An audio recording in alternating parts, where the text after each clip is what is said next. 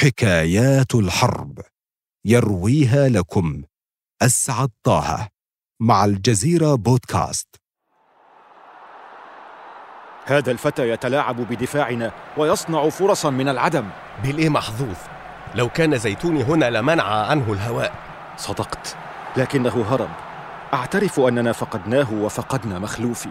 لا أشك أننا كنا سنتخطى البرازيل ونصل للمباراة النهائية.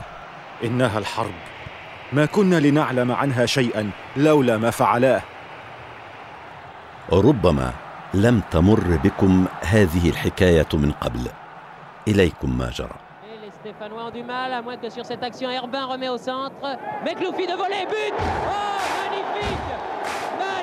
نحن في عام 1957 رشيد مخلوفي لاعب كرة قدم جزائري. يلعب ضمن فريق فرنسا ويقوم بالدور الأكبر في فوزها بكأس العالم العسكري. مصطفى زيتوني لاعب جزائري أيضا يدفع بفرنسا إلى نهائيات كأس العالم التي ستقام في العام التالي بالسويد. غير رشيد ومصطفى هناك أكثر من ثلاثين لاعبا جزائريا ينشطون في الأندية الفرنسية. فمنذ أن وضعت الحرب العالمية الثانية أوزارها والنوادي الفرنسية المحترفة تضم إليها عددا من لاعبي شمال إفريقيا باعتبارهم من الرعايا الفرنسيين. في ذلك الحين لم تكن الجزائر مستكينة. تندلع ثورتها في عام 1945 وتصل إلى عنفوانها عام 1956 وفي هذا العام تحديدا وفي العشرين من شهره الثامن وفي بلدة إفري الواقعة شمالا في وادي الصومام والآمنة نسبيا يجتمع قادة جبهة التحرير الجزائري. يصدرون قراراتهم بشأن توحيد القوى ورسم خارطة لطريق الثورة ويتفقون على تنويع أساليب المقاومة والاهتمام بما هو سياسي إلى جانب العسكري ليعرف العالم ماذا يدور في الجزائر. محمد بومزراق لاعب سابق ومدرب حالي يعمل في الفيدرالية الفرنسية لكرة القدم ويجمع سرا تبرعات شهرية من اللاعبين الجزائريين لصالح الثورة. بعد تفكير تتبلور فكرة كانت تراوده. تتماشى مع قرارات مؤتمر الصمام. الفكرة ببساطة هي تشكيل فريق لكرة القدم من الطلاب يمثل الجزائر لعله يلفت الأنظار إلى قضية بلادهم. تتطور الفكرة إلى تشكيل فريق من اللاعبين المحترفين وتسند الجبهة الأمر إليه. يعلم الرجل أن الأمر ليس سهلا فالأجهزة الأمنية في فرنسا تحصي أنفاس الجزائريين. هذا من ناحية ومن ناحية أخرى فإن رواتب اللاعبين مغرية والتضحية بها ليست هينة كما أن عددا كبيرا من اللاعبين متزوجون من فرنسيات وبعضهم سيمثل فرنسا في كأس العالم. ذلك كله قد يفشل الخطة ويهزم الفكرة التي تحتاج إلى سرية عالية وإلا لا قبض على الجميع. ورغم ذلك يواصل بومزراق العمل في المهمة. يزور اللاعبين الجزائريين في الفرق الفرنسية. واحدا واحدا. يشرح فكرته ويحاول إقناعهم بفريق من المحترفين الجزائريين ينطلق من خارج الأراضي الجزائرية ويلفت أنظار العالم إلى الاحتلال الفرنسي لبلادهم ويدحض الكذبة الفرنسية. عن اللحمة الثقافية. يذكرهم بالمعركة التي يخوضها الوطن والمكاسب الوطنية الممكن تحقيقها من جراء هذه الخطوة. كان طلب الانضمام خاليا من التهديد فالإيمان وحده ما يجعل المرء يتخلى عن الشهرة والمال والاستقرار. بل إن بعضهم إن استجاب سيتخلى عن المونديال. كأس العالم. الحلم الذي يراود كل محترف. كانت اتصالات بومزرق الأولية موفقة لكن أربعة من اللاعبين يرفضون الفكرة غير أنهم يتكتمون الأمر. يتجه العالم بقلبه نحو السويد. إنها نهائيات كأس العالم المقررة في يونيو حزيران لعام 1958 وها نحن نقترب منه. يتردد بومزراق في الاتصال برشيد مخلوفي. فهذا الأخير مجند في الجيش الفرنسي ونجم فريق سانتيتيان. لكن رشيد يوافق من دون قيد أو شرط مضحيا بالشهرة والمال. لم أتردد لحظة واحدة في تلبية النداء فأغلبية الفرنسيين لم يكونوا على علم بما يجري في الجزائر. وبعد التحاقنا بجبهة التحرير تبينت لهم حقيقة الأمر وخطورته. نفس الحال مصطفى زيتوني الذي كان محله محجوزا في تشكيلة فرنسا لكأس العالم باعتباره من أكبر المساهمين في وصولهم إلى هذه النهائيات ولديه عرض مغر من ريال مدريد. لكنه آثر الوطن على ذلك كله. تدخل الخطة مرحلة التنفيذ. في الثامن من إبريل نيسان يخبر بمزراق جميع اللاعبين بتوقيت رحيلهم. تحدد ساعة الصفر بعناية عقب جولات الدوري التي تجري يومي السبت والأحد. بعد ثلاثة أيام من الهروب المحدد ستلعب فرنسا ضد سويسرا. استعدادا لكأس العالم وستكتشف فرنسا حينها هروب اللاعبين زيتوني ومخلوفي. وستقع الضجة الكبرى في عموم أوروبا فالأندية الفرنسية ستفقد لاعبيها في معارك الحسم. لذلك كله كانت ساعة الصفر نهاية مباريات الأحد في الثالث عشر من إبريل نيسان. لقد حددت الخطة بدقة. ليتزامن هروب اللاعبين مع مواعيد المباريات الكبرى. على الحدود الفرنسية السويسرية يبتسم رجل الجمارك لرؤية لاعبه المحبوب رشيد مخلوفي نجم سانتيتيان بصحبة عبد الحميد كرمالي ومختار عريبي. أوه! مخلوفي في هذه النقطة الحدودية. كنت رائعا في كأس العالم العسكري العام الماضي. أشكرك. آه كيف ترى حظوظنا في كأس العالم؟ لم يتبقى سوى شهرين ها؟ سنحاول الفوز به. خطوطنا متكاملة. والآن ما سبب ذهاب نجمنا إلى سويسرا؟ الشوكولاتة الإسويسرية بالطبع. إنها مميزة. نحن ذاهبون لأجلها. سيد رشيد. آه.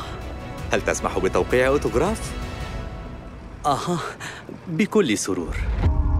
في صباح اليوم التالي يعرف رجل الجمارك أن الشوكولاتة ليست السبب ويتأكد من أن مخلوفي خير من يتجاوز الدفاعات حتى وإن كانت من الشرطة والجمارك. وفي ذاك الصباح تعلم الجماهير الفرنسية أن حظوظهم في الفوز بكأس العالم بدأت تتضاءل. وتخرج صحف فرنسا بعناوين صادمة. اختفاء زيتوني هروب تسعة لاعبين جزائريين. والحق أنهم عشرة. في ذلك الصباح الذي لن تنساه فرنسا وستذكره الجزائر ووفق الخطة يلتئم شمل عشرة محترفين جزائريين في سفارة تونس بروما. غادر عشرة لاعبين من وصول جزائرية الأراضي الفرنسية خلسة لتشكيل منتخب جبهة التحرير الوطني الجزائرية أفلان لكن للأسف ثمة أخبار سيئة. هناك من لم يصل. يلقي القبض على اللاعب حسان شبري في منتون على حدود فرنسا مع إيطاليا. يشتبه به حرس الحدود الذين يشكون في أي جزائري فربما يقوم بنقل الأسلحة أو المال لدعم جبهة التحرير. يقومون بإيداع اللاعب السجن بتهمة المساس بالأمن القومي. ومن القطار المتجه إلى لوزان السويسرية يتم إنزال لاعب آخر هو محمد معوش بعد أن كثفت الشرطة وجودها في المعابر. نعود إلى الذين تمكنوا من الهرب. نعود إلى سفارة تونس في روما التي تمنحهم جوازات سفر. يستقلون طائرة باتجاه العاصمة تونس التي ستكون مقرا دائما لفريق جبهة التحرير. الطائرة تصدر ضجيجا عاليا لكن الضجيج في باريس أعلى. في الشارع في الصحف في البرلمان في الأندية في فيدرالية كرة القدم صحيفة لكيب الرياضية ترغي وتثبت. باري ماتش تكتب تقارير مطولة عن هذا الهروب الجماعي المفاجئ. وفرانس فوتبول كذلك. عملية الهروب المتقنة صفعة قوية للشرطة الفرنسية ودحض لفرية الثقافة الواحدة. كانت بحق ضربة حرة مباشرة في شباك فرنسا.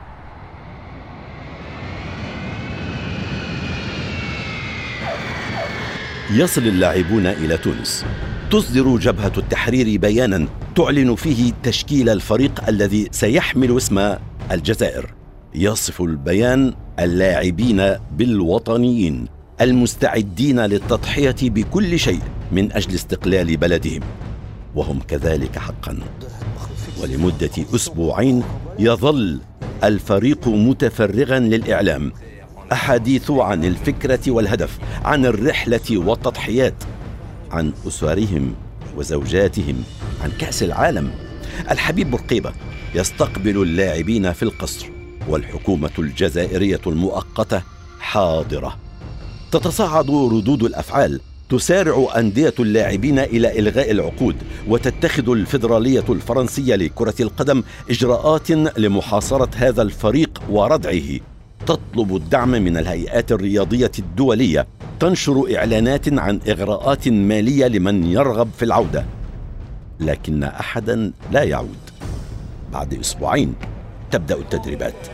شوق اللاعبين للكرة كبير وطعم التمارين مختلف ولأنهم كانوا عشرة لاعبين فقط تم إكمال الفريق بمدافع جزائري يقيم في تونس هو عبد الحميد الخالدي.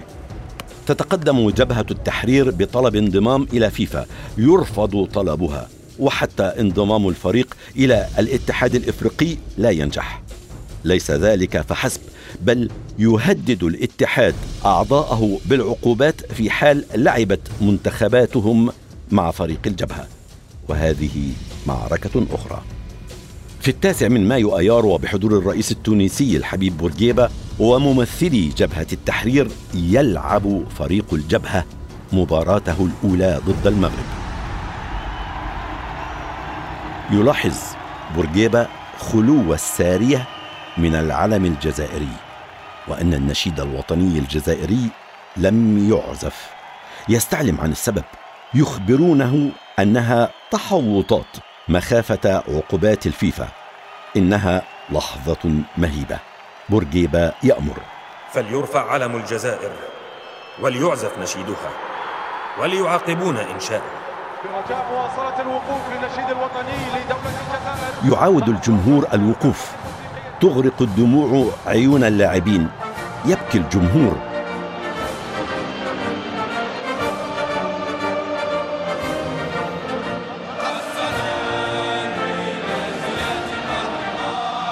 ثم تتوالى المباريات والجولات الخارجية ليبيا المغرب الأردن فلسطين العراق. تمتد الجولات خارج الوطن العربي لتشمل أوروبا الشرقية بلغاريا ورومانيا والمجر وبولندا وتشيكو سلوفاكيا. ثم الاتحاد السوفيتي ثم الصين وفيتنام. وفي تلك الأخيرة يصافحهم الزعيم هوتشي من في الملعب ويستضيفهم في القصر. وإلى جانبه الجنرال الذي هزم فرنسا شر هزيمة. يقول لهم هوتشي منو لقد هزمنا فرنسا في الجبهة وهزمتمونا في الملعب وقريبا ستهزمونها في الجبهة. في كل مرة يشترط الفريق عزف النشيد الوطني للجزائر قبل كل مباراة. على الرغم من أن النشيد والعلم الجزائريين ما يزالان حينها غير معترف بهما. يبلغ عدد الدول التي حل بها فريق الاستقلال 32 دولة. الفريق الرياضي لجبهة التحرير الجزائري أشبه بوزارة خارجية متنقلة. عرف العالم عن طريقها ما يجري في الجزائر.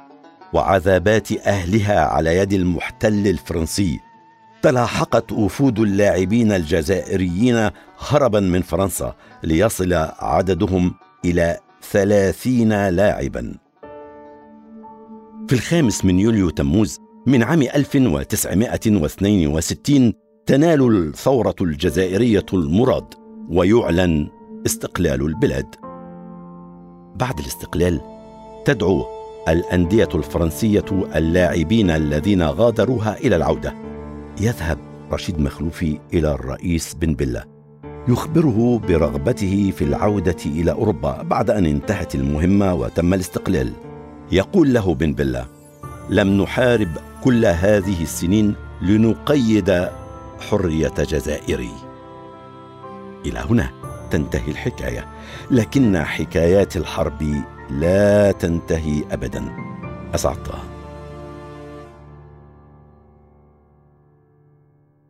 استمعوا إلى بودكاست حكايات الحرب عبر أبل بودكاست وجوجل بودكاست وساوند كلاود. فقط ابحثوا عن الجزيرة بودكاست وشاركوا الحلقة مع أصدقائكم.